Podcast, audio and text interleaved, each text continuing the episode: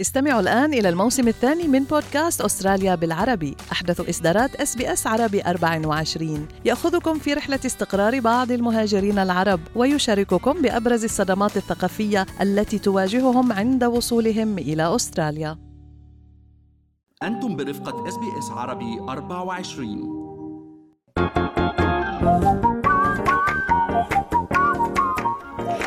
شو في ما في من أستراليا وحول العالم بفقرة منوعات آخر فقرات برنامجنا الصباحي. Good Morning Australia وأنا بترا طوق الهندي. وأنا فارس حسن. راح نبلش من هدية اهداها الرئيس الروسي فلاديمير بوتين للزعيم الكوري الشمالي كيم جونغ أون. يعني أثارت هيك جدل على مواقع التواصل الاجتماعي وحتى انتهاك محتمل لعقوبات على بيونغ يانغ.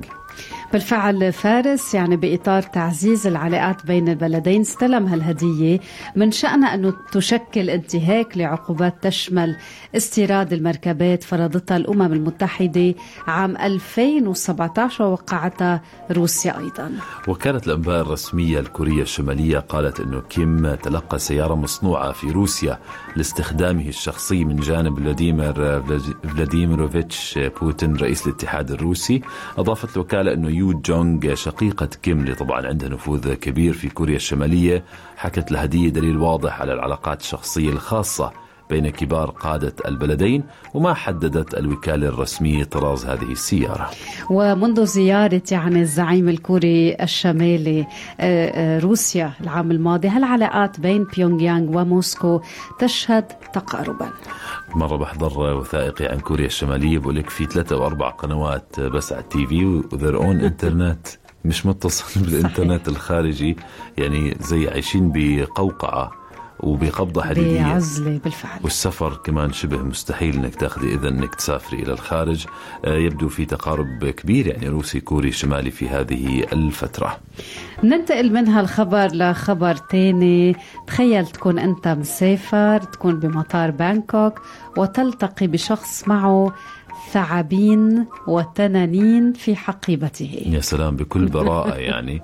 رجل من منغوليا تم إيقافه في مطار بانكوك الدولي كان يستعد للصعود إلى إحدى الطائرات وفي حقيبته كل ما ذكرت بترا وسلاحف كمان حسب ما أفاد مسؤولو الجمارك التايلاندية بالفعل فارس يعني تعرف المملكة بأنها مركز لتهريب الحيوانات البرية لأسواق رئيسية تحديدا مثل فيتنام أو الصين حيث تستخدم في الطب التقليدي. عثرت عناصر الجمارك ومش عارف كيف قدر يعني يحمل هذا العدد الكبير حامل حديقة حيوانات وماشي. تنين تنين كومودو هذا اللي بيشبه ال blue tongue يعني بس على أكبر بكتير.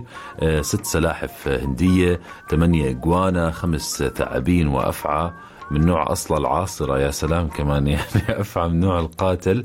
و24 سمكة. فارس عثر على حديقة الحيوانات البرية خلال تفتيش أمتعة الرجل. كان عم يستعد ليطلع على الطائرة يلي كانت تتجه إلى عاصمة منغوليا. خلينا نروح نختم هذا الخبر مع نانسي عجرم. شو رأيك؟ وجدل أيضا أثارته على ال social media على منصات التواصل الاجتماعي عقب ظهورها في صور مع مدون سياحة إسرائيلي على هامش حفلتها في قبرص. يعني لم تهدأ ال social media منذ هذه الصور فارس هو مدون السفر الإسرائيلي يلي نشر الصور على حسابه على إنستغرام وكتب تحمست للقاء النجمة الكبيرة بالعالم العربي الفنانة اللبنانية نانسي عجرم حبيبة القلب.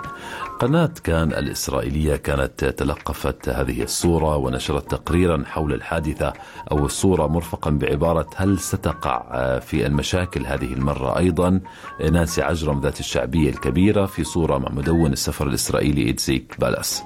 ونشر الصحافي كمان روعي كايس فأعاد نشر التقرير وعلق وقال نانسي عجرم والإسرائيليون في حفلات رومانسية لا تنتهي. بفتكر هي مش أول مرة فارس يعني وتخيل أنت فنان كمان يسأل كل شخص يلتقي فيه شو خلفيتك؟ يعني يعني لا تحسد على الموقف وبنفس الوقت ما بعرف قديش هي كانت مدركة للوضع. يعني بدنا نستنى ونشوف هالجدل لوين راح يوصل. هيك ختمنا منوعاتنا من Good Morning Australia شكرا لكم لحسن الاستماع. هل تريدون الاستماع إلى المزيد من هذه القصص؟ استمعوا من خلال Apple Podcast، Google Podcast، Spotify أو من أينما تحصلون على البودكاست.